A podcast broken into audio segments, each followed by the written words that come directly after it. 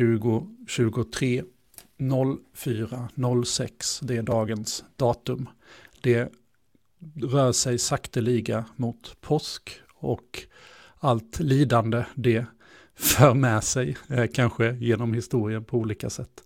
Och vi står här i någon sorts dystopisk bakgrund eh, med eh, igenväxta fönster och allt känns jättedeppigt. Hej på er förresten, eh, det var mitt försök till någon sorts liksom, dystopisk inledning här. Det är ju så, jag, jag höll en föreläsning här för ett it-företag i, i veckan och när jag jobbade fram den så, så valde jag att, att köra med The Last of Us-tema och med ett litet frågetecken efter The Last of Us. Då är, är det som så att nu när AI kommer så, så är det också eh, det sista eh, vi, vi, vi gör här nu. Ehm, sentimentet har ju svängt lite, det, från att vara det här nyfikna, glada, du du du, sen sista veckorna så har det har, har det börjat liksom ifrågasättas på, på olika håll och kanter eh, allt eftersom fler och fler får upp ögonen för det här med AI. Eh, det här är Teknik i Akademi med mig Johan Leitert, Fredrik Ahlgren och Anders Bjarby precis som vanligt. Hej på er! Hur är det med er? Hej! Hej. Jo men det är bra. Det är bra. Lätt, lätt dystopiskt tydligen. ja, jag tänker att du, du förstör den dystopiska stämningen här nu med din bakgrund här. De ser lite för glada ut. Nu bytte jag ut glada robotar mot eh, förvånade robotar i alla fall. Ja, Eller förskräckta ja, robotar. Ja. ja, det är ju ändå några av de här robotarna ser lite läskiga ut, det håller jag med ja, om. Det. Jag får se om jag kan generera om den här under showens gång. Mm, det har du nog alla möjligheter att göra. Ja. Eh, vi kan väl bara börja med att fånga upp lite bollar som kom sen förra eh, veckan. Eh, vi tog ju upp, Anders, du lyfte ju den här biten kring då eh, med eh, antalet eh, kvinnliga representanter inom den här AI-sfären, om vi ska kalla det det då, med lite siffror från din, din grupp där på Facebook mm. och, och, lite sådär. Och det har väl ändå fått lite effekt tycker jag att vi tog upp det där. Jag har fått, och tack så jättemycket, många som har hört av sig med, med både tips på gäster och eh, många som har hört av sig också och, och kan tänka sig vara med och sådär. Så att vi har börjat boka upp här nu så att vi kommer nog ha, ha spännande gäster här mm. framöver. Vilket är jättekul. Mm. Och det måste jag säga att det är också eh, ett ämne som jag tror berör väldigt mycket. Och jag vet, jag pratade bara häromdagen nu med, eh, ja, våra barn är ju, är ju med i eh, Friluftsarna och vi träffades ju även där Anders ja, och precis. Eh, Strövarna. Men då pratade vi om det här och det är ju just det här att eh, kvinnor är så pass underrepresenterade liksom. Det, det tror jag de flesta inte förstår. Jag tänker att det är ett teknikskifte som händer nu och det är därav vi också står och pratar i den här podden. Och det känns på något sätt lite tråkigt att vi är tre män som står och pratar här om någonting. Eh, det borde vara fler kvinnor. Nu ja. kan vi ju åtminstone göra vår, dra vårt stråtattacken och vara otroligt medvetna om problemet och jobba med det då. Det, och, och, om vi nu ska säga någonting. Absolut. Men av, av något så här, det är ju, nu har vi en chans att om man nu tänker att vi går in i någonting nytt nu. Alltså nu börjar tekniken förändras så radikalt vad det gäller tillgänglighet till att skapa egen kod och skapa egna applikationer och eh, skapa innehåll och, och, grafik och allt vad det är. Då, det är lite så, då känns det lite dystopiskt tycker jag när det är så otroligt få kvinnor som är inne i den här världen. Ja, verkligen. Man känner ju att det här är ju som alla teknikskiften, det är bara att det går ovanligt fort den här gången. Men alla teknikskiften tycks ju ha varit på just det här sättet. En massa män som dunkar varandra i ryggen. Mm. Mm. Uh, och det är lite konstigt just den här gången. För att den här gången är teknikskiftet väldigt humant och lingvistiskt. Mm. Vilket kanske inte är de typiskt manliga egenskaperna.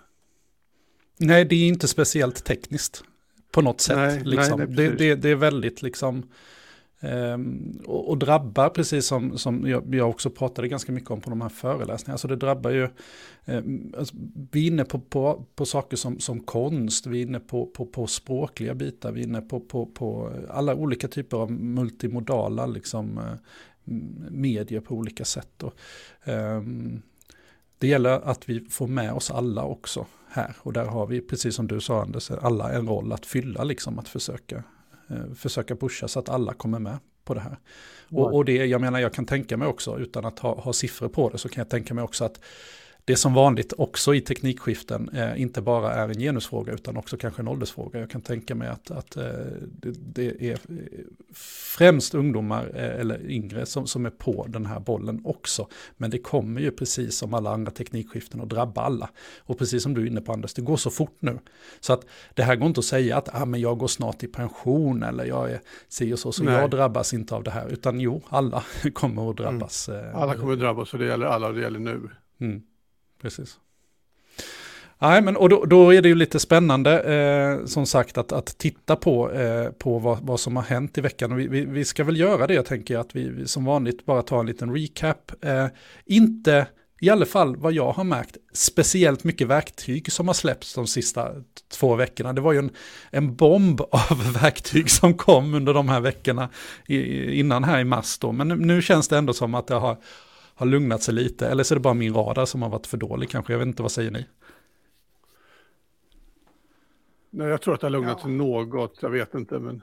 Eller så är vi vana vid att det här hiskliga tempot helt enkelt. Så det, det går till en viss nivå, sen märker man inte när det blir mer. Nej. Nej, jag vet inte heller vad... Eh, det är också det att jag, jag tror det kan också vara så att det händer lika mycket nu, men att det har blivit lite mättat liksom i nyhetsflödet här nu om att det är inte, om det nu är någon som skapar en ny AI-app som kan uh, ta fram um, PowerPoint-presentationer eller motsvarande. Ja, uh, ja det finns det några stycken redan och då, då så det, det, är ju möjligt att, faktum är ju så att i och med GPT-4 nu så eh, har det ju framför allt så har det ju ändå delat lite Twitter-trådar och sånt nu där man har sett att folk har ju faktiskt nu publicerat, alltså människor som tidigare aldrig har kodat har nu publicerat applikationer i App Store med GPT-4. Mm. Och de har gjort det på mm. en dag eller två. Och det är ju rätt, alltså det är ju rätt så coolt. Alltså tänk att vem som helst kan göra en app i App Store nu. Du behöver inte ens ha kodat, du kan ha den där idén vem som helst kan ta ett vackert foto över en solnedgång i uh, the Pacific Ocean ute på någon liten, ja. liten ö utan att behöva åka dit uh, överhuvudtaget. Det går ju igen det här liksom. Vem som ja. helst kan skriva en vacker dikt, vem som helst kan och så vidare. Det, och det är ju det som är häftigt såklart också. Mm. Men uh, det kom ju den här, jag tycker vi kan väl ta utgångspunkt här då, eh, det här Future of Life Institute som publicerade en sånt här upprop eller namnunderskrift där man då kan eh, skriva under Post the Giant AI Experiment, an open letter. Och kort sammanfattat så går det här ut på då, det är ett antal prominenta, framförallt herrar, eh, om vi ska fortsätta på det temat med Elon Musk och Steve Wozniak och Joshua Bengio eh, och eh, några andra här. Eh, och eh, kort och gott vad det går ut på är att man, man tycker att det har hänt så mycket nu, det har gått så snabbt. Eh, vi bör pausa utvecklingen där vi befinner oss just nu och inte släppa några nya modeller här nu som är kraftfullare än GPT-4 då som man har. Eh, utan de menar på att bara, att absorbera det här, att få, få, få eh, lagstiftning och så vidare, att, att hänga med, så, så behöver man ett stopp på den här. Och just nu då så är det väl en 12 000, 13 000 signaturer här. Um, um, hur, jag är lite nyfiken, har ni skrivit på, hur ställer ni er till tankarna här i, har ni hunnit läsa den? Jag har eh, eh, hunnit eh, läsa igenom eh, lite övergripande skulle jag vilja säga. Jag har inte skrivit på, jag har inte tagit eh, någon ställning där och jag tänker att det går att se det här på två olika sätt också. Jag tänker att ja, jag tror att det finns en stor poäng i att ta det lite lugnt. Jag tror inte man behöver eh, jag tror man ska ta de här personerna på Eh, ett gravallvar, skulle jag vilja säga. Att om det nu är många som säger att det här kan gå riktigt åt skogen, så bör man nog verkligen eh, ta det. Men hur, då är det, jag har ju en sån här pragmatisk ådra, jag är ju väldigt pragmatisk. Då frågar jag så här, hur ska det gå till? Alltså det är ju, ska eh, några få utvalda individer få den nästa modellen då? Eh, vilka utvecklingen kommer gå framåt alldeles oavsett. Om inte USA nu driver den här så kommer i så fall något annat land göra det. Eh, vill vi att Iran ska vara de som driver AI-utvecklingen, om vi nu resten av världen stannar? Eller Nordkorea? För det, världen är ju lite bråkig. Mm. och då är det ju ja. frågan, ska vi inte i sådana fall driva detta så snabbt som möjligt i rätt riktning? Eh, så istället för att pausa så kanske vi ska försöka prata så mycket vi bara kan och göra allt vi kan för att detta ska bli dit vi vill att det ska vara. Det, alltså det, det, är lite därför jag, jag, därför jag bara tänker att det är inte bara bra, bara skriv på, utan om vi hade på ett riktigt sätt kunnat göra så att nu pausar vi hela världen, ja visst, absolut, men jag tror inte det kommer kunna hända. Nej, verkligen inte. Jag, jag tänker nu, eh, särskilt som prisutvecklingen för att träna en sån här modell har gått ner så oerhört. Var det Stanford mm. som körde sitt test, att de motsvarande modell som OpenAI tog fram för 4,5 miljoner dollar, vi gav dem 600 dollar för. Mm. Om jag fick siffrorna rätt. Ja. Och, det, och det är nu. Och det gör ju att det kommer finnas en, även om vi, skulle säga, de, de goda, den goda sidan, pausar, tänker efter, funderar, så finns det alltid den, den onda sidan, eller de som skrupelfria som mm. fortsätter att träna sina modeller för att ligga i för, framkant. Mm. Och eftersom det är billigt och tillgängligt så, och det sker i skymundan så kommer det hända. Mm. Och det är ju, men jag, jag, jag, tycker att den här eh, frågan är eh, väldigt, väldigt svår. Mm. Alltså det här är, mm. Eh, jag har svårt att ta ställning här. Jag, mm. jag känner att jag, jag förstår inte liksom riktigt, ja, jag... Ja, men, ja.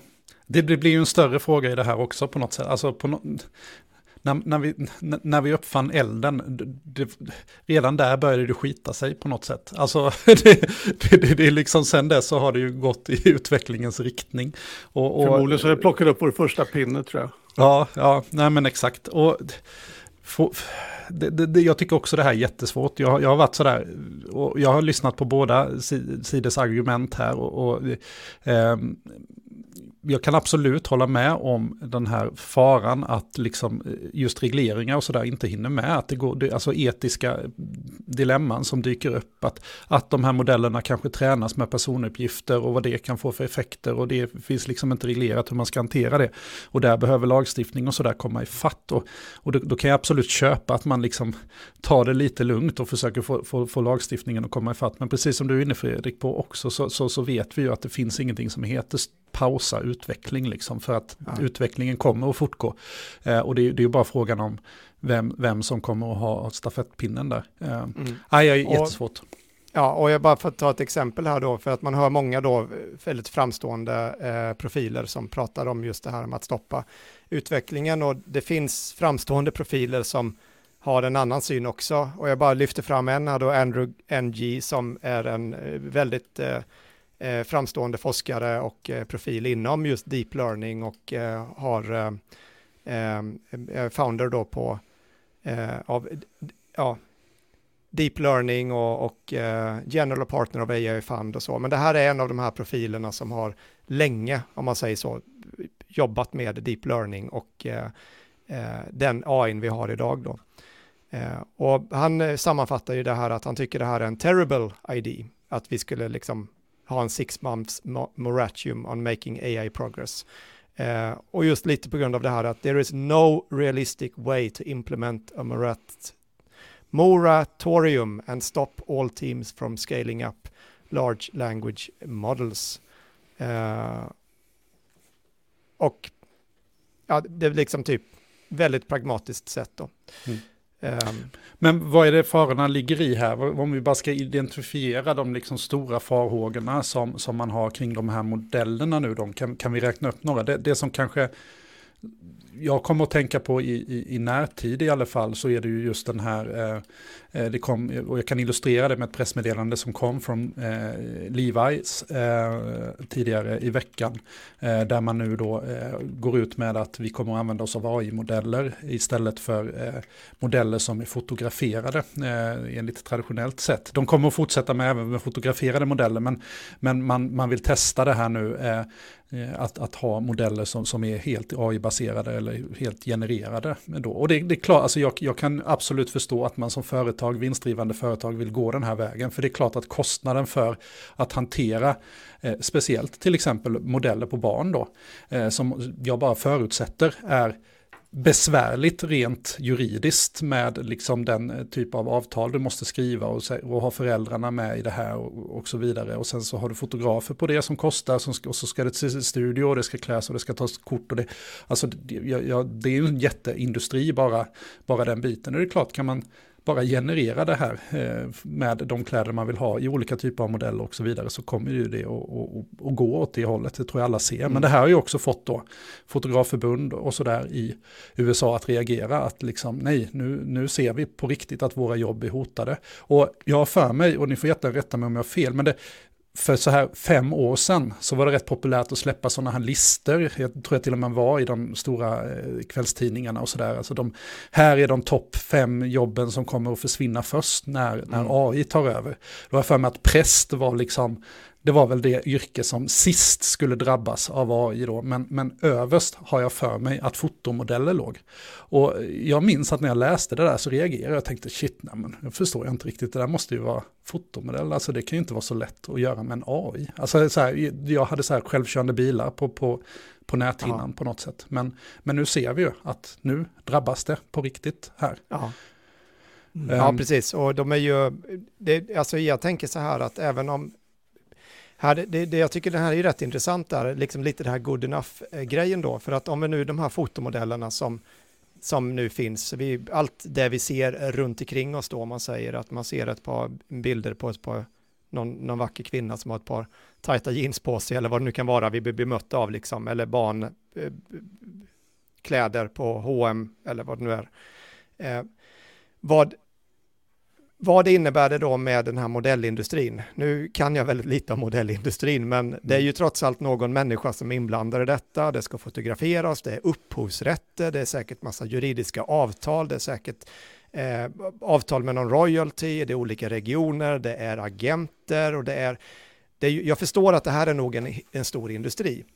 Nu kan du ta bort hela den industrin och den personen, den här marknadschefen på Levis, kan sätta sig i Midjourney generera precis det de vill ha på en förmiddag. Och det är inte bara det, utan de äger de här bilderna själva.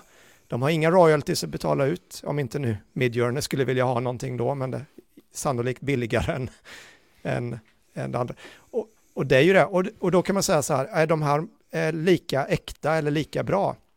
Men, då är, men bryr vi oss om den här människan som är modell? Är inte modellen i sig en icke, nu, nu är jag ute på djupt vatten här då, men vi ser inga namn, alltså de, de, är inte en person i den meningen. Ni förstår lite vad jag menar, att det är ett ansikte och en kropp. Skylt och en, en det är en skyltdock, ja. precis.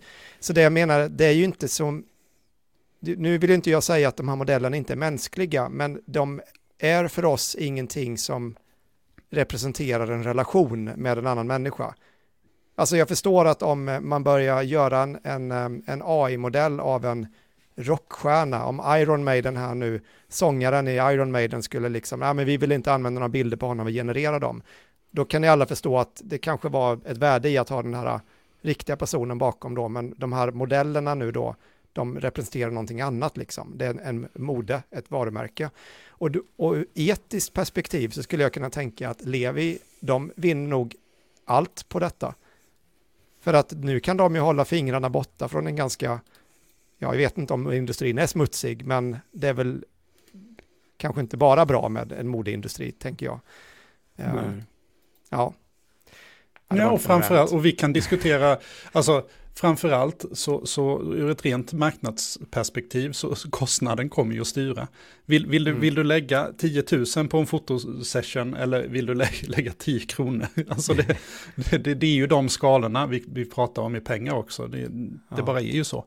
Um, och jag menar, skalan är ännu större faktiskt. Ja, ja säkert.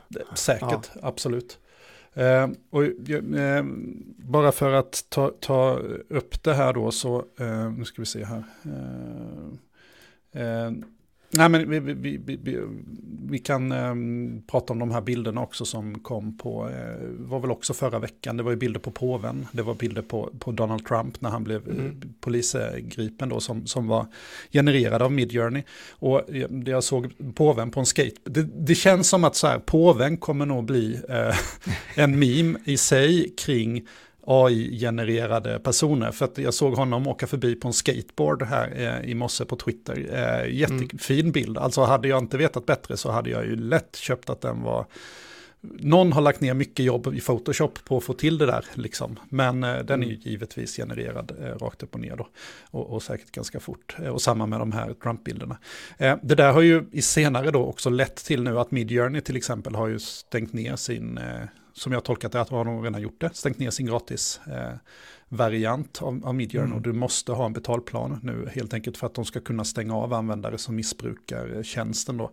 Jag tror att det finns någonstans i avtalet att du får liksom inte använda den här tjänsten för att försöka lura någon med eh, någon annans ansikte och sådär. Så att då kan man bli avstängd mm. om man genererar den här typen av bilder då. Um, och det har ju hänt andra grejer här på den här fronten också. Eh, Italien har ju stoppat eh, ChatGPT. Eh, mm. Gjorde de bara över en natt där på ett domstolsbeslut och det är väl en DNS-stopp eh, helt enkelt. Eh, som, eh, för jag såg någon nyhet om att alla VPN i, alla kör VPN nu i Italien för att komma runt mm. den här begränsningen då. Så att, och det borde kanske gå, gå enklare att, att byta någon DNS, eh, bara byta. Eh, ja, och sen är det ju alla tjänster som bygger på ett API-anrop var ju också, eh, om jag förstod det rätt, eh, inte stängda. Så att, nej, det, så att, nej, det är omöjligt att stoppa. Ja. ja. Så det blev, det blev och egentligen då ett ganska mycket slag i luften då. Det är väl vad man kan säga. Men det, hur den är, faktum är att det är ju ganska tillgängligheten för AI i Italien, det är klart att den har blivit mycket, mycket sämre. För väldigt många personer kanske, alltså då har ju trappan ändå blivit betydligt högre. Eh, och alternativt också att de ska in i andra tjänster som kommer då tjäna o, o, mycket mer pengar än vad det borde vara, kosta. Eh, mm. För bastjänsten är ju, är ju enkel och eh, tillgänglig skulle jag vilja säga, för alla utom Italien just nu. Mm. Nej, och jag skulle bli helt tokig om jag inte kunde använda de här tjänsterna nu. För jag har, alltså, det har gått så fort att vänja sig vid att ha de här verktygen. Mm. Så för mig mm. skulle det vara liksom som att gå tillbaka och börja skriva på pan, peppa, penna och papper. Men det, liksom, jag läste ju det att den, den verkliga anledningen till mm. att det blev bannat i Italien, det är ju att om testa att fråga eh, ChatGPT om du kan ha ananas på pizza så kommer den säga att det går alldeles utmärkt. Det, eller om du kan ta en cappuccino till lunchen. Aha. Och mm. det, det, där är, det är den verkliga anledningen till att mm. de har bannat det. Det låter rimligt. Ja, ja. Den icke-verkliga då, om vi ska ta den, det var ju, eller eh, svepskälet här som man hävdar då, det handlar ju om personuppgifter i träningsdatan som jag tolkade Eh, som att man inte har riktigt koll på GDPR och de bitarna där. Och det, det borde ju förvisso vara samma, eh, samma eh, juridiska ramverk i Italien som i resten av EU mm. kan man tänka. Så att, eh, vi får väl se vart det där leder helt enkelt. Men mm. då har vi egentligen, alltså är det, någon, är det någon av er, alltså det är en sjukt ledande fråga, men om någon kan vara eh, eh, liksom djävulens advokat här då, men, men är det någon som tror att inte arbetsmarknaden kommer att påverkas av det här? Nej, det var väldigt tyst. Arbetsmarknaden, är det någon som, som, tror att ingenting kommer att påverkas av det här? Allt Exakt. påverkas av det här. Ja, ja. Precis, det är väl där vi är. Och jag menar, det är klart att det kommer att påverka. Det kommer att påverka fotografer, det kommer att påverka alla som på något sätt jobbar med content uh, i alla dess former. Om det så är text, bild, ljud, film, video, klippning, eller, allt. Eller bara interaktion med någonting. Ja, till och med det. Ja. Interaktion via en dator. Ehm, ja. För eh, vi, vi, kan också vara ganska övertygade om att, eh, och det, det var ju OpenAI, vi har pratat om den tidigare, men den här arbetsundersökningen de gjorde i USA då på, på, eh, på arbetsmarknaden, att, att det som påverkas minst då är ju kanske de här ehm, men dels jobb som innebär relation med andra människor direkt och även jobb som inte har de här mängden med träning du behöver lägga ner på, på att läsa in dig på saker. Eh, för det är ju en grym... Kanske skulle jag säga. Alltså, tänk, tänk, det, är väl, det är väl många handlar om interaktion med, med människor i möten, oavsett vilket jobb du har. Och nu börjar de här tjänsterna dyka upp som sammanfattar mötet. Mm. Här har du en sammanfattning. Här har du en översättning för dig som inte talade det språket vi hade på mötet. Och här är då punkterna som vi ska hantera på mötet. Som dök upp liksom, med automatik. Så även, även interaktion med människor kommer ju analyseras av AI på något sätt. Absolut. Um... Och det är väl bara en fråga när det dyker upp i din telefon. Mm. Vad handlade samtalet om jag pratade om egentligen? Det var det här. Mm. Jättepraktiskt. Ja. Men arbetsmarknaden har vi där som, som vi då är övertygade om kommer påverka. Så jag tror ju alltså att, det, och när jag säger att på, arbetsmarknaden kommer påverka så behöver vi inte ha en dystopisk framtidsbild bara för det, utan påverkas är vi övertygade om. Tror, tror ni att det kommer att, ett, två år från nu, kommer det att vara mindre arbetstillfällen, färre arbetstillfällen eller fler arbetstillfällen? Den är ju svårare kanske. Ja, den är svårare. Och jag, jag, jag tror jag har mer med konjunktur att göra. Ja. Ja, så kan det vara. Men det skulle också kunna mm. göra att det blir fler arbetstillfällen. För att vi har ju pratat lite om det här med, ja du har också pratat om det innan Johan, att du fått frågor i, i egenskap av programansvarig då, att studenter som hör av sig är oroliga och ska jag nu verkligen läsa webbprogrammering eller utveckling i allmänhet. Ja, precis. Mm. Och eh, ja, det är ju, det, vi kan ju se att det kommer ju påverka, där kan vi verkligen se det, alltså som jag sa nyss då, att nu kan du jobba som, eh, du, du behöver inte ha någon kunskap om att skriva kod, du kan använda en dator och du kommer kunna lansera en app i App Store. Det är alltså den bryggan har ju liksom, kanske inte blir så bra som om man utvecklade gjort det, men du kanske får det men du det vill ha. Gått, det har ju bara gått ett halvår sedan det blev tillgängligt också. ja, precis. Och, men då är frågan då, vad händer då? Kommer jobben försvinna? Det, det är inte säkert. Vi kanske bara skriver tio gånger mer kod i världen. Mm. Eh, och det blir mycket högre kvalitet på allting och det blir andra typer av uppgifter. Och det här är ju jättesvårt, men det är klart alla blir inte av med jobbet över en dag. Jag tror att det är väldigt många som har en massa idéer som nu får möjligheten att förverkliga mm. dem. Och det kan ju skapas helt nya eh, jobb här nu. Nu kanske folk som är arbetslösa helt plötsligt kan komma på de där idéerna och förverkliga dem. Mm. För ribban är väldigt låg, du behöver inte investera, faktum är att du behöver inte investera i någon dyr och fin dator, utan det räcker Eller en dyr och fin utvecklare, det är ju våldsamt dyrt att ha en utvecklare ja, som ska göra, ja. lösa din kanske bra idé. Ja. Nej, precis, du kan testa själv och när du väl ja. har kommit upp till att du faktiskt kan börja tjäna lite pengar, då kan du anställa den där utvecklaren då som kan höja kvaliteten och, och, och hjälpa ja. till. Eller använda GTP5. Ja, precis. Mm. och ta många uppdrag parallellt för de som inte känner till att de här teknikerna finns. Ja. Jag tog upp det här paperet nu då, GPTs are GPTs, eh, mm. den eh, vi pratade om nu då. Man får ju, gå, man får ju nästan gå in och, och, och, ta hem den igen om man nu ska prata om den här för att det är ett working paper och den uppdateras ju. Så nu stod det daterat den 27 mars här då, så att det är möjligt att jag hade den nyaste versionen. Men här är ju då occupations with no labeled exposed tasks. Om man nu börjar andra änden då, mm. vilka, vilka jobb är det som de ser som inte kommer påverkas? Och då pratar vi ju om då med den tekniken vi ser här och nu då, alltså de stora eh, textmodellerna som GPT eh, 4 och så vidare då. Så och, och den ja, är ju ska, liksom... vi ta, ska vi ta några exempel här för de som lyssnar då, så är det ju alltid från carpenters, roofers, eh, motorcycle mechanics, eh, kockar, cutters and trimmers, eh, atleter, eh, mm. Eh, diskare, eh, mm. Stonemasons, mm, yeah. ja. frimurarorden, den kan man bli populär i framtiden också då, det är stonemasons här. Ja. Ja, men väldigt hands-on-arbeten. Jag är förvånad väldigt, att jag inte ser så här nurses och, och, och liksom hela den här elder care-biten. Ja. Men det, de ska man säga att det här... Påverkas. Ja, de kommer ju påverkas, men de kanske fortfarande har kvar sina jobb. Men det här är nog det with no labeled exposed task. Mm. Så att här mm. är det yrken då, så att en nurse kanske blir nog så viktig och kanske ännu viktigare, eller vad vet jag. Men det är ju bara en schemaläggning vet jag. Det var ju det jag pratade med vad var det, e-hälsomänniskorna på universitetet här och då var det ju just en av de sakerna som tar upp en sån otroligt mycket tid av eh, sjukvårdspersonal, det är det här med schemaläggning mm. och att få mm. sånt där man lägger kvalificerad, utbildad medicinsk personal som sitter och administrerar. Det är ju idiotiskt egentligen. Alltså varför, om vi nu pratar om att folk inte, folk får sitta och blöda ihjäl på akuten, ja, vi kan ju börja med att försöka effektivisera det här, att vi inte har medicinsk personal som sitter och, och gör administrativa uppgifter. Då. Eh, och det är ju det är samma på universitetet, alltså mm. så är det ju. Varför, varför ska en lärare inom ett ämne sitta och hålla på med administration som inte är värdeskapande för studenterna? Mm. Precis. Um, Mm, om, vi, om vi släpper det här med arbetsmarknaden lite då och tittar ännu bredare, vad, vad kan man mer vara rädd för? Är det, är det någon som vågar sig på, på att förklara eh, begreppet AGI här i det här sammanhanget? Ja, Ja, ja, vi kan ju dra ett demo här snart på en AGI, men nu ska vi, vågar, ja. vågar, vi, vågar vi dra igång en AGI på min dator här i livesändning på podden? Ja. Kanske blir det sista vi gör Johan och ja, Det hade väl varit lite ja. going out with a bang.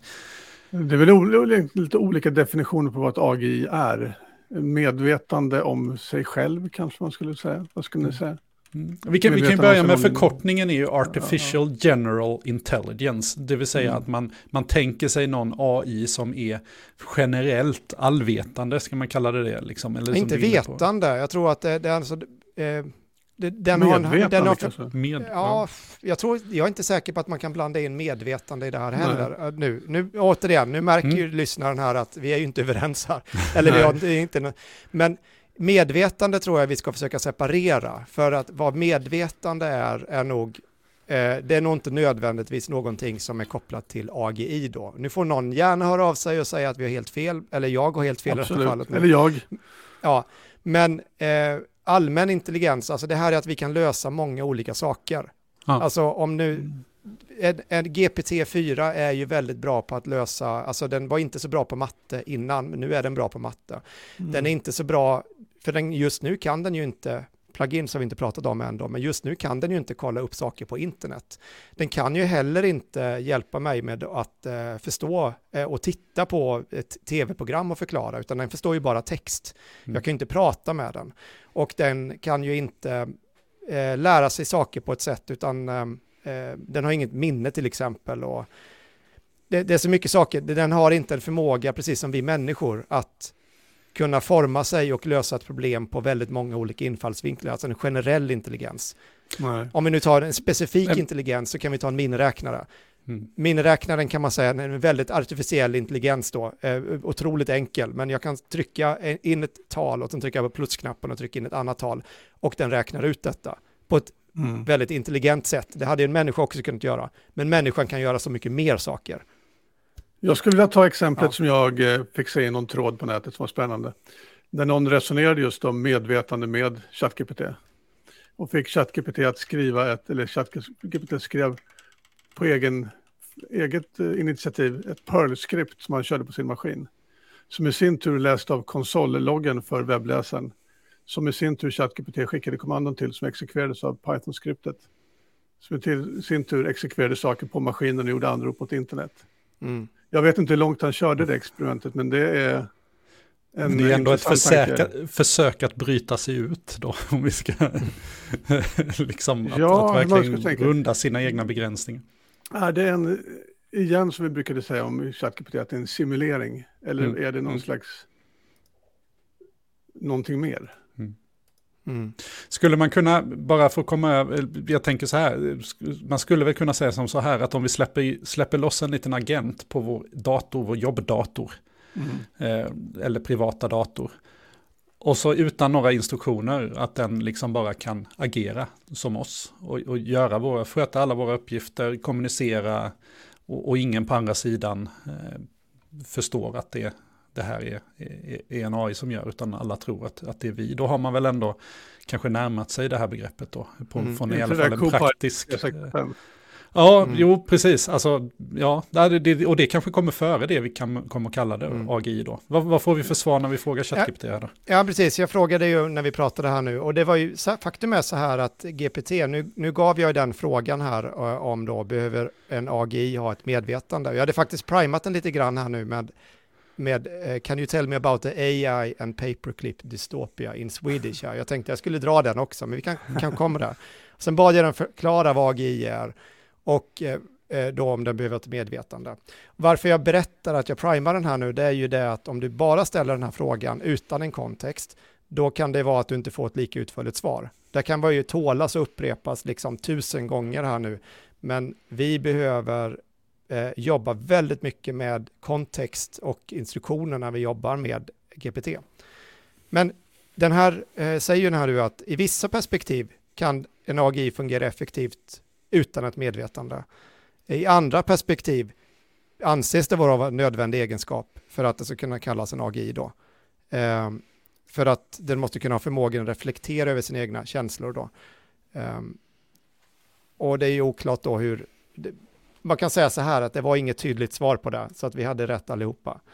Mm. Eh, Nej, och, och, och, och jag, jag, tycker när jag har lyssnat till mycket intervjuer, bland annat med Sam Altman och, och andra, så, så nämns ju det här ADI eh, ofta. Och det är ju inte riktigt konsensus kanske vad man menar alla gånger. Och dessutom så har, finns det i, verkligen ingen konsensus när det kommer till tidsramarna. Där vissa pratar om ett halvår eh, och, och, andra pratar om att vi aldrig kommer kunna uppnå det här. Så att eh, det, det är liksom spannet är från väldigt snar framtid till oändligheten. Då. Um, så det, det, det, är klart att det är en, det är en svår fråga att, att um, Men vi, eh, vi kan ju börja med där att vad är ett medvetande? Nu, nu vill inte jag att vi ska blanda, alltså vi kommer aldrig komma härifrån och mm. eh, ingen av oss kanske är tillräckligt påläst med filosofin, men i vilket fall så är det här att frågan är komplex nog utan att prata om artificiell eh, generell intelligens. Mm. Vi kan bara prata om människor och sen så kan vi ställa oss frågan, vad är ett medvetande? Mm. Och nu tror jag vi ska stanna där, för att det finns säkert någon som har eh, eh, kunskap om vad, vad det ena med hjärnforskning och filosofi och ena med det andra som kanske kommer direkt kommer slå oss på fingrarna för att vi säger någonting som är dumt. Men eh, min uppfattning om detta är att eh, efter att ha läst till exempel eh, Tegmarks böcker eh, och så då, det är att det är, det är inte en helt enkel fråga. Alltså när vi pratar om medvetande så är ju våra hjärnor är ju en en, en dator, alltså en biologisk dator. Om nu, nu, nu förutsätter och det, man saker. Det där men, kanske du får om, vissa som kommer att säga emot det då, att det finns någonting mer. Men jag är nog på din sida där. Men det, ja, precis. jag har också en pragmatisk ja, syn på det. Precis, nej men om vi, om vi tänker att vi är en maskin av kött och blod och att våra, våra hjärnor är en, en, liksom en, en, en grå klump där inne. Och om om den här släcks och vårt liv försvinner så finns det ingenting annat kvar än våran materia. Det finns ingenting som går upp i någon himmel eller någon själ eller någonting sånt där. Om man accepterar de här premisserna, att det som vi vet om världen, då behöver inte det betyda att vi vet allt om världen, så kom inte och, och rätta mig och säga att vi kan inte allting. Nej, det gör vi inte. Men det, om vi ställer upp på de premisserna, då är eh, då är skillnaden mot en artificiell intelligens och vår mänskliga intelligens är ju, ja. Kisel alltså, versus kol, typ. Ja, typ. eh, och, och, då, och då drar man, och den premissen där då, då kan man ju fråga sig vad har, vad är ett medvetande? Ja, det är väl någonting som kommer utöver att det blir tillräckligt stort, stor intelligens då, att medvetandet i sig kan, kanske är någonting som är en evolutionär överlevnadssak. Alltså medvetandet är ganska bra för oss. För att vi, vi, ska, vi använder det för att vi ska på något sätt få någon mening med våra liv. Liksom. Eh, jag vet inte hur det sett ut annars. Varför hade du gått till jobbet, Anders, om du inte haft ett medvetande? Mm, det är en bra fråga. Ja. Men det är kanske bara en, en, en, en, ett resultat av elektronerna som flyttas i en viss riktning. Vad vet man? Ja. Men medvetandet kan ju mycket väl vara en, en evolutionär konstruktion av våra hjärnor för att vi ska bli mer effektiva att uppnå våra mål. Absolut. Men att medvetandet i sig är, är det ingenting som finns, utan det är någonting som är skapat av evolutionen. Liksom, av, och då, då fyller den väl ett syfte, tänker jag. Och, att vi men, hade en, någon, någon, typ av livsform innan som inte hade ett mm. medvetande och den med medvetande var tydligen effektivare på att uppnå Det här är en väldigt filosofisk Nej, fråga, ska jag gärna ta med dig. Men inte just nu känner jag. Men eh, hur, hur, liksom, man kan väl ta in Turing-testet i det här också, liksom att, för det, det, har ju ändå på något sätt eh, beskrivits som att, att okay, när, när en maskin kan ge så bra svar så att vi inte kan skilja den från en människa, att den då liksom har uppnått någon, någon sorts milstolpe. Men, men då blir det ju på något sätt att, att, att det är betraktaren som, som, eh, som uppfattar medvetandet. Eh, men det behöver ju inte betyda att den här maskinen har ett självmedvetande för det. Så att det blir ju, det blir ju det blir, blir många dimensioner på det här. Eh, men det kanske är en diskussion vi ska lämna till, eh, till framtiden. Eh. Ja, Anders, du eh. får avbryta, du får avsluta, sammanfatta diskussionen, sen gå vidare då. Jag, jag säger som någon sa till mig en gång i tiden, att om du har två bollar som rör sig i någon riktning och du känner till dess krafter, dess massa och dess vikt och alla krafter som påverkar dem, så kan du säga var de befinner sig om en sekund. Det är ren matte. Mm. Nu tänker du på att din kropp, dina tankar är bara elektroner som far runt. Om du känner till alla krafter, alla riktningar, alla massor på dessa elektroner så kan du säga var de befinner sig om en sekund. Alltså är det redan förutbestämt. Mm. Lite Mm. fatalistiskt, men. Mm. Precis. bollen är i rullning här. Ja, Ja, världen är Ja. deterministisk helt Ja, enkelt. verkligen. Ja. Ja. Ja. Ehm, ja, men varför vi kommer in på det här med AGI såklart, det är ju en av de, den övergripande rädslan och det kanske passar här då med, med eh, Boströms eh, paperclip theorem eh, som du fick upp Mm. där eh, Fredrik. Jag vet inte om vi har nämnt den tidigare. Vi har nämnt den, har vi, har vi gått igenom den eller eh, sådär, det minns jag faktiskt inte. Kanske i något sammanhang, men då, då får vi ta en repetition här i så fall. ja, du kan dra den lite snabbt där då Johan. Ja, men, men ju- kort går det väl ut på att, att, att eh, det här är en teori som Nick Boström då- har sagt får visa på, på svårigheten kanske att begränsa en, en artificiell generell intelligens då. Att man ger den en så enkel uppgift som att skapa vanliga gem, paperclips på engelska. Eh, och det här är den enda uppgiften den här AI ska ha för sig. Den ska inte göra någonting annat mer än att skapa de här pappersgemen. Men här visar det sig snabbt då att den här AI i sin, liksom, i sitt race att skapa gem inser ju att människan är bara en, en, en begränsning och består av kolatomer till största del som den skulle kunna då dra nytta av för att skapa de här gemen. Och i, i princip så, så det enda som blir kvar av världen efter det där är en stor hög med, med gem. Ehm, och det, det, det, det är här, det här, det här är väl en av många teorier kring då liksom vad, vad, vad kan hända här när vi, när vi släpper lös de här krafterna. Mm. Ska vi släppa lös en sån här kraft? Ja, Ehm, kör. Japp. ge, ge den inte GM-uppgiften bara. Inte geomuppgiften, men det är någonting annat vi gillar att tillverka. Ehm, Då, ska vi, Pe- vi öka f- Twitter-followers eller någonting? Vi, vi gör det så här, vad ska botten Vi- heta? Vi börjar med det. Ja, det, vad vi ser framför oss nu är en terminal med ett Python-skript och Fredrik, du har laddat ner något som heter då AutoGPT va? Mm. Och sen har du kört igång det här skriptet. Och eh, vad vi ser framför oss är en blinkande prompt och så står det AI name. Så vi behöver väl ge den här AI ett namn då. Mm. Vi kan ju ha något litet personligt eh, namn här på den här. Det behöver ju inte vara någonting med GPT utan vi kan ju kalla detta för, ska det vara en kvinna, Lucy. man? här nu? Kvin Lucy, Lucy. ja precis. Vi tar Lucy här då. Eh, då ska då Lucy here, I am at your service. Och då ska vi nu då be- describe your AI's role. Och då till exempel, vad, ska, vad, är, vad är rollen för Lucy här nu? Vad, liksom, vad är uppgiften? Ja, inte gem, vi tar något annat. Ehm, men eh, vi vill väl öka antalet lyssningar och inter, interaktioner med lyssnare på vår podcast. Kan inte det vara eh, en bra grej? Liksom? We want to increase the number of followers and listeners at our podcast. Teknik i akademi skriver då Fredrik här. Mm. Ja men det är väl ett Eh, avgränsat mål. Vill vi också the most popular podcast in the world. Oj, härligt. Mm.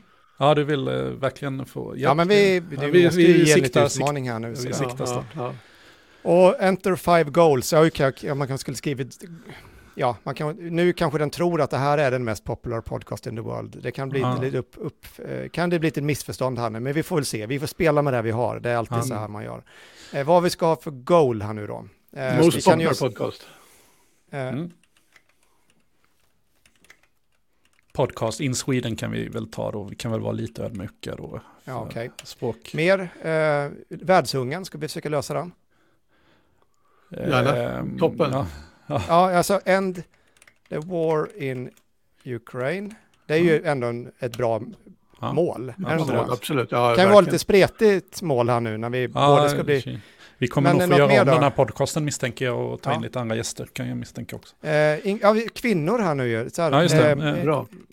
eh, Reach in- eh, gender equality in, in, eh, in the field of AI.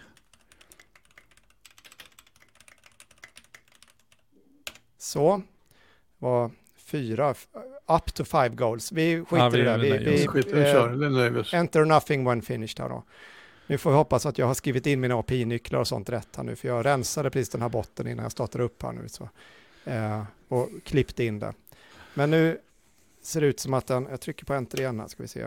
Den tänker nog, eller så Mm. eh, gör den någonting i alla fall. Eh, Ja, men vi det, det vi, kan, vi kan prata om det här medan vi väntar här nu. För nu är det, jag, Mm. jag körde precis igång den här igen då. Jag, jag rensade upp den så att vi skulle gå, börja, börja från scratch här nu då. Så att, eh, Ja, för Och- vad är det vi tittar på? Ja, det vi tittar på nu det är ju en, eh, det här är ju någon, någon person, så det här är inte något företag, det här är ett open source-projekt på GitHub som ni hittar, om jag kan byta skärm här nu så kan ni få se medan den tänker där. Eh, och det kan vara så att den håller på att skapa en eh, databas eller någonting nu, eh, för den använder nämligen eh, detta, nu ska vi se, det skickar jag mig hit och sen så eh, kollar vi på en eh, en GitHub-sida här nu, ett, ett repository. Eh, och Och det som- finns ju länkar i, i Jag tror inte vi notes ser det nu. Jag tror inte vi ser det nu. Nej, vänta här nu. Så ja, precis. Så, mycket bra. Eh, och eh, det, vi kan, det vi kan se här nu då är ju att eh, det här är en, eh, en ett, ett, man kan säga så här, det är ett Python-skript som också eh, kan eh, eh agera som en agent. Alltså det, man kan säga så här, den använder GPT-4, den använder en databas eh, och eh, den eh, eh, eh försöker då lösa problem som om den hade, det, alltså det, det är liksom det första följet krypande steget mot en eh, AGI här då. Eh, och nu ska vi se här nu om, den är igång här nu i mitt skript här nu, nu ska vi bara se, jag trycker på stop screen eh, och sen så ska jag bara eh, dela nu så att ni kommer få se vad som händer här.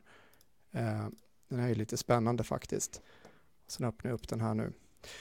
Eh, och jag hoppar upp lite här, nu kan ni få se här nu då. Using memory of type Pinecone memory. Så det den gör nu, nu har jag alltså slängt in en API-nyckel till en databas som heter Pinecone. Pinecone är en vektordatabas, nu är vi inne på detaljer, man behöver inte känna till det här egentligen, men där den kan embedda eh, ett, ett minne kan man säga för eh, AI.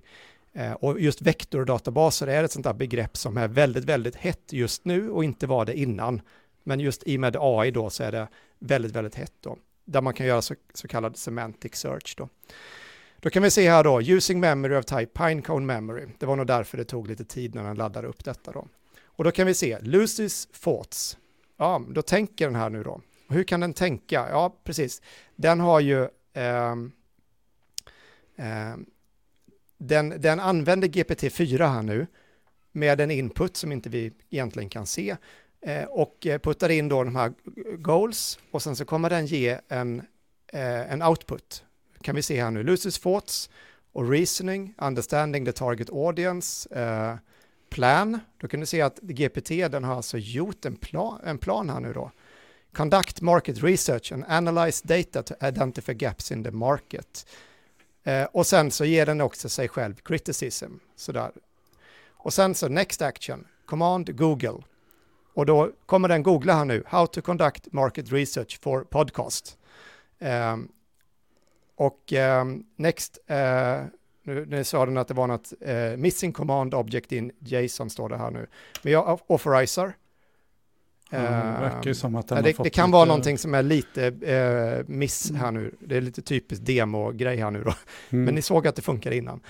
Jag tror att man, vi gör våran poäng ändå. Grejen är ju den att nu har jag satt den i ett läge där den egentligen bara autonomt jobbar.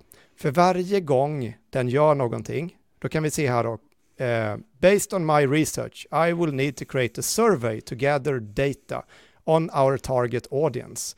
I should also look into podcast trends and analyze our competitors to understand how we can differentiate ourselves. Eh, och då vill den ju, den vill ju nu titta på lite eh, Eh, eh, eh, browse websites här då. Och den här botten nu då, den har ju access till internet. Så att det här, den använder GPT API, men den har ju möjlighet att gå in på internet nu. Och den har ju möjlighet att göra egentligen vad som helst. Vi diskuterade innan att rent tekniskt här nu så har den ju möjlighet, det är ju ett program som körs på min dator, den skulle kunna göra allting på min dator som jag kan göra. Men vi, vi ja, för nu, det. Vad, det, vad den vill göra här nu är ju en marknadsundersökning, så nu skickar den anrop till SurveyMonkey ja. för att sätta upp en, en, en, ett formulär här då. Ja, men det, du ser, och det kommer ju upp lite felmeddelande här nu att ja, men lite maximum context mm. length. Vi får se hur den tar sig runt det här. Och det här är ju återigen då ett väldigt early Python-skript av någon. Mm. Alltså jag installerade det här i förmiddags och nu precis när jag rensade upp det här så hade det kommit en ny version. Så att det, liksom det på timbasis så händer det grejer med koden då. Men det coola nu då, nu går den ut och gör market research. Den tar reda på det den vill utifrån sitt mål. Den sparar undan de här grejerna i en databas hela tiden. Så att desto mer den jobbar, desto mer lär den sig om problemet. Och nu kan vi se här då att nu vill den, eh, eh, nu vill den göra en survey med specific questions här då. Och då, då vill den ju och, och du behöver hela tiden svara yes här då. Och nu ja. spottar den ut sig grejer här. Eller kan, kan du sätta den i helt autonomt läge att den bara fortsätter låta den jobba över natten och se vad som händer? Ja! det står ju danger zone när man ska göra det. Men ja, det går att trycka den här i, uh, sätta den i en sån här continuous mode. Ska vi göra det? Ja, alltså, vi, vi, men ge den inte ditt kreditkortsnummer bara. Den har redan det. Ja, okay. uh, Eh, och det går ju faktiskt att få den här att köra spik eh, också. Eh, eh vi ska se här nu, om jag lägger, jag, jag hoppar ut här nu. Eh, Men frågan är, kommer den att vara så jäklig så att den skapar en, en, en survey här och sen också sprider den här surveyn? Så att det inte är så det att vi får en länk, ja. utan den bara Men nu, liksom... nu kör vi igång den. Nu sätter jag den i continuous Bra. här nu. Spännande, mycket spännande. Caution. Uh, Continuous mode is not recommended. It's potentially Nej, dangerous. It may ja, cause your AI to run forever or carry out actions you would not actually authorize. Jag tittade ut genom fönstret bakom mig, va? den här dystopiska Ja, men okej, okay, men då sätter vi igång. Det här är, vi, vi är ju på avsnittet dystopia här nu liksom, ja. så att vi får se. Nu, nu, nu trycker jag på enter. Det kan vara bra. the end of the world här nu, men jag trycker på enter. Mycket bra, kör. Nu kör vi. Ja, det är lite läskigt här nu, men nu sätter vi alltså igång en autonom agent för de som lyssnar. Eh, och vi har satt den i ett continuous mode, vilket gör att den här kommer nu agera utan user input. Eh, och vi kan ju se vad som händer, men den börjar ju här nu med att googla rätt mycket på olika eh, podcasts. Eh, får vi olika, olika trender, trender, i Sverige. Uh, why is Sweden the world leader in podcast listening? Ja, är det så? Det visste jag inte, men det kanske det är. Um, mm. Och nu börjar den ju se här då att uh, den vill ju då analyze uh, current listeners. Nu ska den... Ja, den försöker hitta uh, teknik. Podcast listening is popular in Sweden and continues to grow då, precis. Um, och nu börjar den Uh, precis, nu är det ju någonting, det kommer lite HTTP, connection pools. Den försöker kolla, host teknik i akademi, ser du det? Att den försöker Aha. komma in på teknik i akademi.se. Och Snart den märker nu att det finns inte en sån webbsida. och nu så, ja, ah, plan, browse the Twitter page av teknik i akademi och gather comments and feedback. Ja, det är ju smart. Det skulle man ju kunna tänka sig att man skulle vilja ja. göra. Men nu har vi ju ingen Twitter heller. Så att vi får se vad det är. Nej. Men den, men den har ju ändå en reasoning här. om det. Ja, vi får se. Nej, det är text does not provide any comments or feedback from followers. It's a notification that using forms. Ja. Um, det här är ju spännande. Tänker. Ja, det är ju sjukt spännande att se vad som händer här. Ja, ja den har ju, men. jag menar ett, alltså nu ska vi se, eh, det är precis, den börjar ändå göra lite market analysis här nu liksom. Eh, men ja. vi ligger ju inte med på eh, någon topplista här nu, så vi får se om den överhuvudtaget lyckas hitta tekniken. Ja, det är om den hittar poddtoppen och sådär så finns vi ju med där. Så att, då, vi ligger ju inte topp 100 tyvärr. Eh, på de här vanliga listorna kanske. Nej. På utbildning finns vi ju med. Nu är, ja. den, Peter nu är den inne på P3 Dokumentär. Var, var, varför är den där? Ja, what are the successful elements of Peter Dokumentärs Ja, men det är ju en av de mest populära ja. såklart. Det är helt mm. rätt. Mm. Och då plockar den ju in där nu, den har alltså hittat nu då information där, summerar det här och eh, tänker vidare här nu. kan man ju tänka sig att det tickar ju nu, eh, det här med kreditkort och så då, nu är det ju en API-nyckel som är kopplad här nu så att ja, det är billigt med, nyc- med Det är billigt, det är billigt. Den använder GPT-4 för övrigt. Uh, man kan ställa in det här, men uh, den, uh, den använder GPT-4. Eh, och som sagt, allting den läser på vägen här nu, det är, lite, det är ändå lite intressant så då. Det sparas ju då vidare in i minnet och den har ju alltså ett långtidsminne här nu. Så varenda grej, varenda, den kommer liksom inte göra samma sak två gånger då baserat på att ja, man har försökt en grej innan så borde den klara av det. Uh, nu ska vi se, börjar den, jag tyckte den stod command right to file, stod det inte så någonstans? Jo, den, den gjorde någon analys på P3 Dokumentär som den skrev ner i en fil där. Ja, just det. Uh, ja, den, nu börjar den ju faktiskt gå in och skriva saker på min hårddisk då. Uh, den, och det är ju faktiskt så här rent tekniskt sett, så det är ju ingenting som säger att den inte skulle kunna köra en, ett program på min dator här nu då. Jag utgår från att du kör det som sudo. Det är klart jag gör. Ja, ja, ja rimligt. Ja, och det där var ju ironi då, det får vi då förklara för lyssnarna. Att uh, det gjorde jag alltså inte, betyder det, när jag sa ja. Men, men eh, här skulle man kunna tänka sig att om den använder din browsers kontext och inte kör någon egen så skulle den ju kunna, eh, jag menar använda dina cookies och allting här när den mm. gör anropen för att kunna komma åt tjänster som du faktiskt är inloggad på också. Vet jag inte om det Lucy's gör det. Men... thoughts, I will create a new GPT-free agent to collect social media strategies that successful podcasts have used. I will use the start agent command with operators Nej, det här, nu är vi inne i meta här nu. Nu börjar, alltså det här är ju skitspännande. Den jag, jag, alltså, själv. Den, den gör en kopia på, exakt, nu, nu börjar det här, nu, den har insett här nu att den behöver starta en ny agent som går ut och gör jobb åt Lucy. Precis, spännande, det här är riktigt spännande. Command start agent returned agent social media agent created with key zero. First ja, precis. Då måste där. ni hitta min API-nyckel då. Det gör den säkert här. Um, den ligger ju där i en environment-fil, så varför inte? Uh, jag vet inte, ni som lyssnar här nu, det här är en, en sån här grej att nu är video king kan jag säga. Mm. För det vi ser framför oss nu, det här är lite, jag skulle vilja säga att det här är, vad var det du sa Anders? Du sa den häromdagen, if you're not blown away, you're, vadå? Uh, det var ett ja, citat var... från någon. Eh, Fredrik Harén, ni vet han, idébokskillen. Eh, vad var ja, ja, ja, just det. Han som var, eh, han var verkligen i ropet för några år sedan med Ja, det är han fortfarande med. Ja, han är kanon att lyssna på om ni inte har gjort det. Vad var det han skrev? Jag skrev, jag skrev upp det någonstans. Ja, det står i våra show. Jag ser här, to next show, där har vi det. Uh, if you're not blown away, you're not paying attention. Just det. Mm. Han kör just nu sin AI-prill, att eh, man ska upptäcka någonting nytt varje dag. Det här är ju, den här grejen vi kör just nu känner jag, det är ju årets mest spännande grej. Ja, alltså jag kan inte. Det, det man precis. blir lite sugen på att uh, starta den själv med något mer bisarrt tema. Ja, och det, det, det, är ju lite läskigt för det kan ju gå, nu är vi ju inne, det här är ju inne på ja. paperclip-teorin. Uh, den här har ju ingen förmåga nu att, den, vi kan ju vara överens om att den här är ju inte, det är inte som att den gör ett medvetande, den har några goals här nu. Du ska mm. få se att den kommer författa ett mail till Putin här nu antagligen snart och fråga om inte vi kan stänga ner kriget. Ja, ja. eller vad vet jag. Ja, den, den kan ju paja lite grejer för dig här, så är det ju. För dig, alltså som privatperson skulle den ju ha förmågan här att faktiskt ställa till saker nu. Ja, Ja, vem vet. Ja, det Grej, kanske ja. inte är world ending, men... men... Nej. det återstår att se. Det handlar mest om tid. Vad är det tid. som händer här nu? Shit, tid och CPU. Men vad, liksom precis, vad händer här nu liksom? För den, mm. eh, det, frågan är ju om den överhuvudtaget har,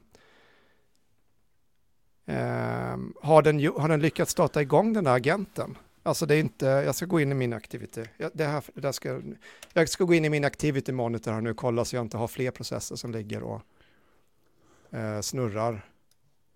Eh, då blir jag väldigt mindblown i sådana fall här nu. Um, det verkar ju fortfarande som att den är inne i någon form av samla in information, discoverpods.com. Ja.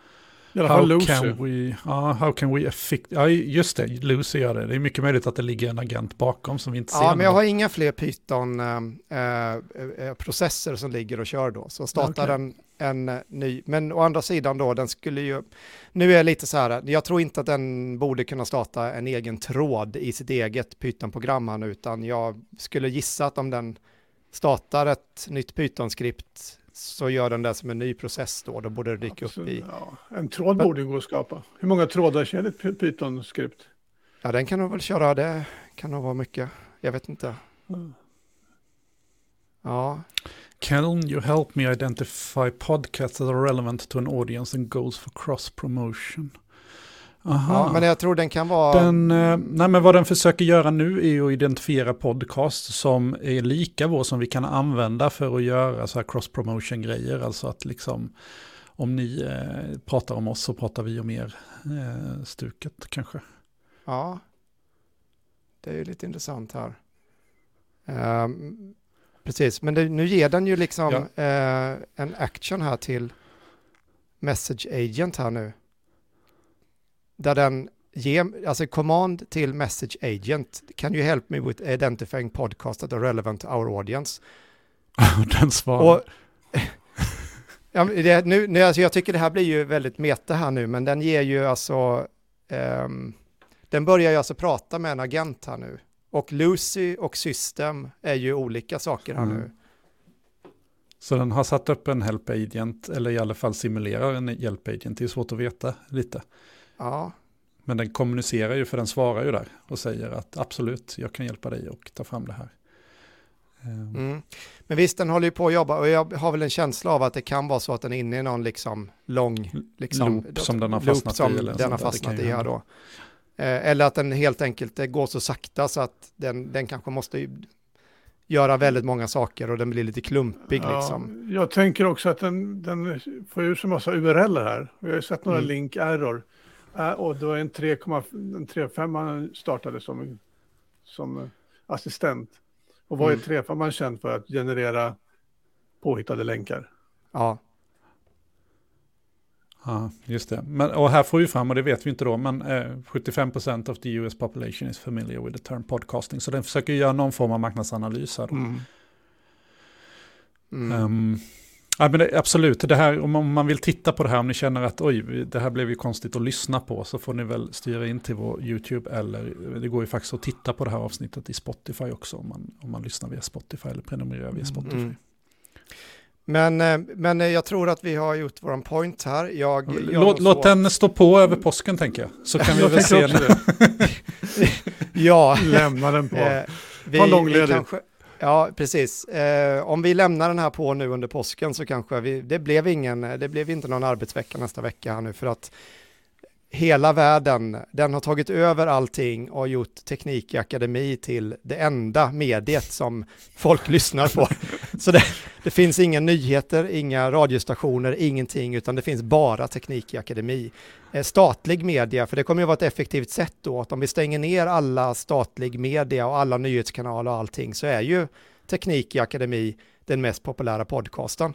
Och dessutom är det ju en rätt enkel grej att om alla människorna dör utom de som inte gillar Teknik i Akademi så skulle man ju också kunna tänka sig att man uppnår det här målet.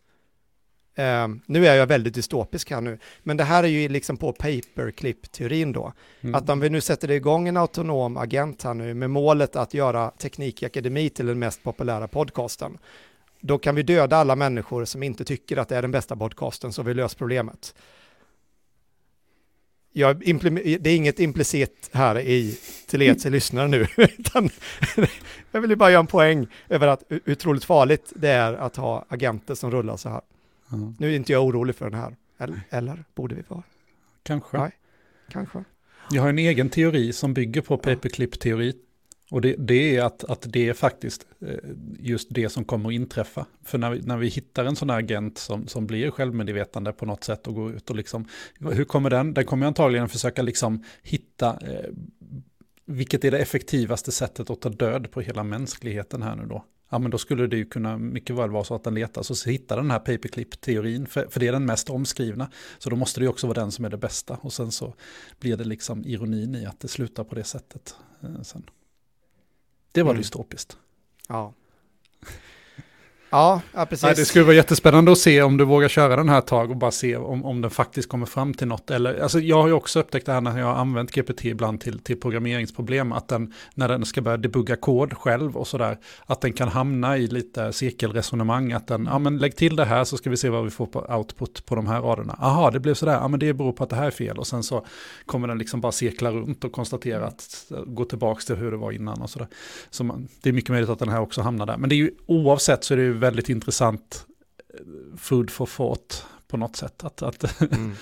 för, för det här har vi ju det här liksom olika, den sätter ihop och den börjar nyttja, nyttja saker på din egen maskin. Och jag menar, ger du den tillgång till din webbläsare då borde den kunna göra väldigt, väldigt mycket. Mm. Och ställa till med mycket också.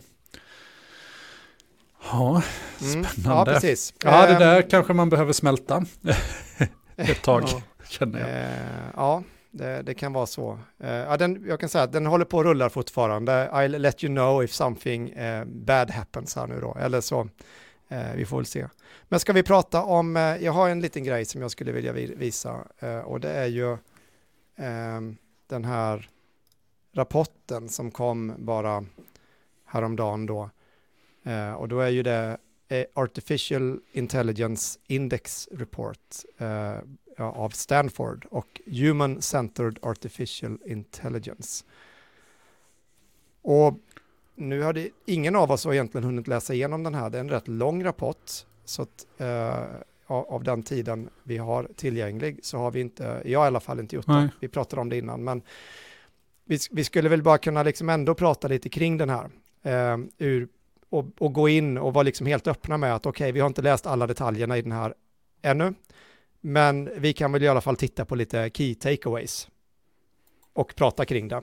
Och sen så kanske vi kan djupa ner i detta. Men det kan vara ändå viktigt att lyfta upp det här, har jag en känsla av. Eh, och vad står det här nu då? Får- Kan någon annan läsa? kanske? Industry races ahead of academia är, är- den första här då. Ehm, och ja, jag har inte hunnit processa det där ännu. Så att, Nej, det är väl egentligen då att eh, så, eh, fram till 2014 så eh, var eh, akademin det som drev AI-utvecklingen där, så vi har sett väldigt mycket utveckling där. Eh, och sen har industrin tagit över då. Eh, och det vi kan se eh, i dagsläget nu då, det är ju att vi har industrin och då pratar vi ju om, nu i detta fallet så har vi OpenAI, men vi har ju Microsoft och Google och Amazon och alla de stora eh, mjukvarujättarna. Det är de som har utvecklingen nu. Och vi har ju sett detta under de sista åren. Ja, det var ju bara för några år sedan så var ju, det var en sån där moment när man såg den där Netflix-dokumentären om AlphaGo och DeepMind och hur coolt inte detta var när man, och då var det ändå lite sådär abstrakt att ja just det, det där Go-spelet som man inte, man trodde man behövde vara människa för att någonsin kunna vara bäst i världen på det, men det visade sig att datorn var duktig på det. Nu är vi ju förbi det, way förbi det. Den här förstår jag inte tvåan riktigt. Jag försökte läsa. Performance saturation on traditional benchmarks handlade då helt enkelt om att det går liksom inte längre att riktigt mäta den här utvecklingen med de verktyg vi har, har tillgängliga kanske, utan eh, performance saturation. Ja, vi kanske, vi kanske behöver Mm. eh, läsa eh, djupet där innan vi kan gå in på det då. Eh, men eh, men man kan säga så här att eh, AI is both helping and harming the environment om vi tittar på detta ur ett miljöperspektiv. Det här är ju någonting som vi inte har pratat så mycket om men, i podden än, men det finns ju, det, det är som allting, vi, det finns ju alltid baksidor. All ny teknik har ju eh, både bra saker och dåliga saker. Och eh, miljön är ju verkligen det. Eh, och då kan man säga det, according to Eh, ett paper här då, Luciani et al. Eh, Blooms training run och Bloom är ju en stor sån här eh, large language models då. Um, emitted 25 times more carbon than a single air traveler on a one way trip from New York to San Francisco. Um, så där är ju liksom, ja, det är klart det går åt väldigt mycket eh, energi att träna de här modellerna och framförallt också att köra de här modellerna. Så att nu när jag har mitt lilla experiment igång här med att göra min podcast så är det ju, eh, direkt en källa till koldioxidutsläpp.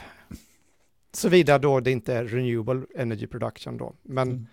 Och samt, samtidigt, för att ta det goda i det här då, så står det ju här också att, att den här modellen kan ju då när den har blivit tränad också användas för att optimera mm. energianvändning på, på, kanske en helt annan skala än vi har klarat av. Så att, mm. Och jag tycker också att man kan sätta saker i relation då, att om, jag tycker man kan se det här på ett annat sätt. Om nu en av de här jättestora modellerna eh, i klass med liksom eh, foundation-modeller, tar det verkligen inte mer än en, en, en single airtrip 25 eh, gånger mellan New York och San Francisco? Det betyder ju att no alltså det här är i paritet med några svenskas Thailands semester när vi pratar om teknik som förändrar världen. Mm. Mm. Alltså det, det liksom det vi pratar om är att okej, okay, det var ju mycket, men ja, alltså fyra familjer som åker till Thailand är ju, ja, kan man tycka, det är väl inte så mycket, även om mm. det är mycket för de här individerna. Så. Mm. Mm. så jag tycker det låter lite, men det är bara jag. The World's Best New Scientist AI? Frågetecken nummer fyra här då. Ja. Eh, och det, det, handlar väl kort och gott om att eh, vi har under 2022 sett att AI har kunnat vara väldigt hjälpfull när det kommer till, eh, till olika typer av forskning och eh, framförallt i det här fallet, vad står det, Hydrogen Fusion. Ja, och jag kommer ihåg, det här var ju faktiskt innan ChatGPT, men det var ju höstas. Och då var det när, det var en stor eh, nyhet, just då i alla fall. Men när AI hade lyckats komma på ett nytt sätt att mer effektivt göra en eh, matrix manipulation, alltså att man helt enkelt, hela AI-biten, all maskininlärning bygger på att man har matriser med data som eh, manipuleras, alltså multipliceras med någonting annat då. Eh, det är det som händer i de här nätverken. Och då har en AI helt enkelt bara kommit på ett nytt sätt att göra det här lite effektivare, som är lite så här mind-blown. Alltså vi pratar om fundamenta matematik. Vi har tusen rader med, med någonting som ska multipliceras med en siffra och ut kommer ett nytt, en ny kolumn med tusen rader. Man tycker så här, ja det borde ju vara, det borde vi väl liksom kunna göra på ett sätt bara, eller hur? Nej, det, och det kom, det, det, den tyckte jag var häftig. Att det är liksom nya sätt, precis som när AlphaGo vann över världsmästaren. Ja, den la en, om ni kommer ihåg från dokumentären, om ni kommer ihåg det, att, det att den la en bit på ett ställe som mm. människan tänkte att det här är ju inte sant, va? du spelar ju bort dig själv, du är ju liksom knäpp i huvudet här mm. nu, alltså det är ju inte alls så man gör. Men den vann, för det draget var så oväntat och så, ja, långt fram i, i tankebanan så att den är, um, är häftigt. Ja. ja. The numbers of incidents concerning the misuse of AI is rapidly rising, nummer fem här, det vill säga att... Eh, eh, Vi har ju ett som pågår i bakgrunden just nu. Exakt. Ja.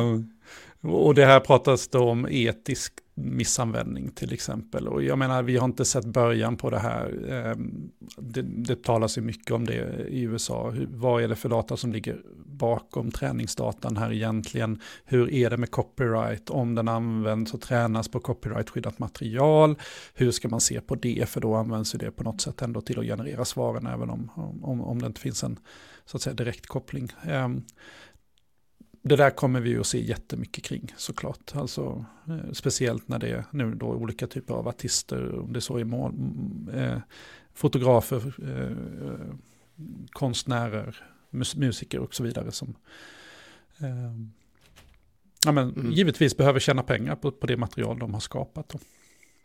Mm. Uh, och sen är det väl att demand for AI-related professional skills uh, increasing in virtually every uh, in, industrial sector. Um,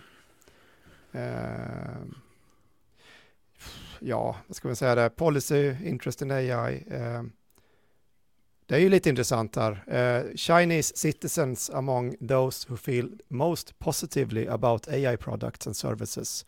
Mm. Americans not so much. Det är intressant.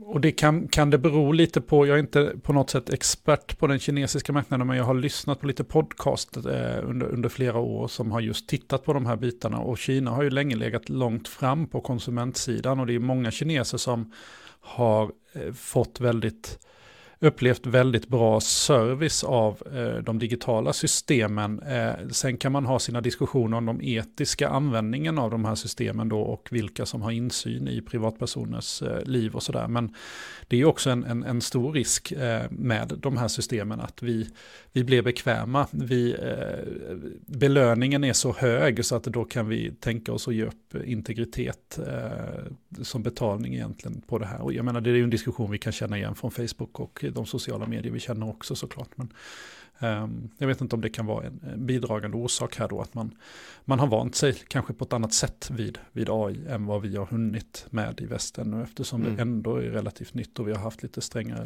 regler här. Mm. Eh, men vi kanske lämnar det där. Eh, vi skulle kunna djupa eh, ett helt avsnitt tror jag i den här om vi bara lägger, vi gör vår research innan. Men då har vi åtminstone kunnat flyga över den här och berätta om att den finns då. Sådär. Vi, ehm, vi har hållit på en stund, eh, påsken eh, står för dörren här eh, som vi sa nu. Så att vi, vi får ju önska alla en riktigt härlig påsk. Det är väl möjligtvis som så att det kanske är påsk när ni lyssnar på det, på det här nu då. Vi har ju lite gäster som är på gång nu. Vi har bokat in ganska mycket här framöver tror jag. Eh, jag kommer inte att säga vilka och jag kommer inte att säga i vilken ordning vi släpper det här och så nu då. Men, men eh, vi får väl se, det här har vi inte pratat om tidigare, men, men eh, det, det, kanske blir som så att när vi har gäster så är vi inte alla fyra, för det, det, det brukar bli dåligt att försöka genomföra någon intervju i, stor, stort så här då. Men eh, det kanske vi håller lite som du gjorde Fredrik med, med Carl Heath där som blev väldigt populär. Det är ju ett av de populäraste avsnitten vi har haft här nu då. Eh, att, att vi fortsätter lite på det, att vi släpper intervjuer där vi, vi är mer eh, eh 2-2. Eh, men då kanske vi fortsätter i det här formatet med oss tre ändå. Så att det blir i vissa fall kanske lite högre frekvens. För att jag tror att det finns ett behov av att bara summera veckorna allt ja. eftersom de går. Eh, jag kommer ju vara sjukt nyfiken på vad, vad Anders kommer ha tagit sig an med, med den här AutoGPT nu då. Ja, vet inte, jag vågar starta den. kommer bli dyrt. Nej, kan det bli som så nu om vi ska ta och bygga på det här påsktemat och ditt kycklingtest? Kan vi, har, har vi något att rapportera där förresten nu när det ändå är påskgott? Eh, ja, kycklingtestet körde jag ju som bekant på den fria versionen av GPT, ChatGPT. Att den kom ihåg, jag hade ett kycklingnamn i, och så en, en text om cirka tusen text, tecken. Och så matade jag på tills de började glömma bort vad kycklingarna hette. Mm. Den fria kom ihåg fem namn och det visar sig nu att den betalda klarar 15 namn. Ah, I samma GPT 3.5 då? Och 4. Ah, okay. och 4. Så det är ingen ja, Men det, förra gången blev jag så imponerad att 4 upptäckte mönstret bland namnen som gick i bokstavsordning. Mm. Det gjorde den inte den här gången. Så jag påtalade att det här måste ju vara i bokstavsordning. Nej, dina namn är inte i bokstavsordning. Mm. Så jag frågade vad den anser vara bokstavsordning så rapade den upp A till mm. Z. Då sa jag, men om jag skriver A till Z, är de, är de bokstäverna i bokstavsordning? Nej, de är inte heller i bokstavsordning. Så det här med bokstavsordning var svårt? Ja. ja, verkligen. Men efter ett par påtalningar så kom den på att mina namn var i bokstavsordning. Och så upptäckte den att vartannat namn var i man, vartannat kvinna. Ja. Så kunde den fortsätta generera på det systemet. Men det ja, tog det. lite övertalning den här gången. Ja, mm. Spännande. Jag, upp, jag upptäckte en annan konstig grej som är helt ny för mig också. Mm. När jag gjorde det här. Eh, i och med att jag, man, man klipper ju och klistrar ganska mycket där. Att den mellan chattar kommer ihåg vad du gör i de andra chattarna. Så jag skapade en ny chatt. Och så klistrade jag mitt första chunk av texten, första tusen tecknen. Och då ploppade det ja och här kommer chunk nummer två med den här kycklingen. Och det var ju precis det jag sa jag skulle klippa in. Så den börjat komma ihåg saker mellan mina olika GPT-chattar. Jag tycker det är lite både bra och dåligt. Liksom. What? Spännande mm. om det är så. Ja. Men det måste ju vara på paid-versionen då, för jag kan tänka mig att den ja, har en nog. Eh, större möjlighet att spara på servern och mm. sådär. Men... Ja, säkert. Och det har jag märkt senare också när jag har kört lite, lite kod. Jag, jag har för mycket kod som jag trycker in, så jag trycker in funktion för funktion. Och säger ja, här kommer, nu, här kommer den här funktionen. Ja, och det var mycket riktigt den jag skulle trycka in, men kanske inte exakt den versionen som den ploppar ur sig. Så och det är inte bara att den försöker liksom själv gissa att du Nej, då kan det vara kvar som den tidigare chatten där han försökt skriva om, låt oss säga, funktion mm. nummer två. Så när jag trycker in funktion nummer ett i en ny chatt, så skriver den ut funktion nummer två i den omgjorda varianten som jag inte vill ha. Hmm. Och det är... eh, Det både är och väldigt dåligt. spännande. Ja, nytt, nytt beteende känner jag. ja. Och det är ju svårt, det är ju en liten black box det här. Så att det, Ja. man får ju liksom forska på det här sättet att försöka utforska och se, se vad som Mm. händer. Och det behöver ju inte vara konsekvent över. Det, det finns ju många servrar i backenden och jag Ja, misstänker och varje det testas är sidad högst- också tror jag. Ja. Mm. Just det. Mm. Hörde ni, eh, vi har pratat på här nu och jag tänker bara att vi, vi lämnar med att det vore jättekul om ni prenumererar på podden om ni inte gör det. Det betyder jättemycket för oss såklart. Eh, det betyder också jättemycket om ni går in och ger en tumme upp eller liknande i valfri poddspelare eller vad ni nu väljer att lyssna på det här på YouTube till exempel. Och det skulle vara jättetrevligt om ni dyker in i vår Discord och diskuterar de här avsnitten. Jag misstänker att det kommer att bli en vild diskussion om AutoGPT där nu. Eh, det, det är väl inte farfetched att det där kommer att vara påskens experiment att sitta här nu och se vad, vad vi kan få ut av den där. Så det var jättekul Mm. att du, du visade den eh, Fredrik. Där. Med det vill vi alla tre önska er en helt fantastisk påsk och på återseende efter. Ha det gott! Ha det bra. Glad Hej då. påsk! Hej.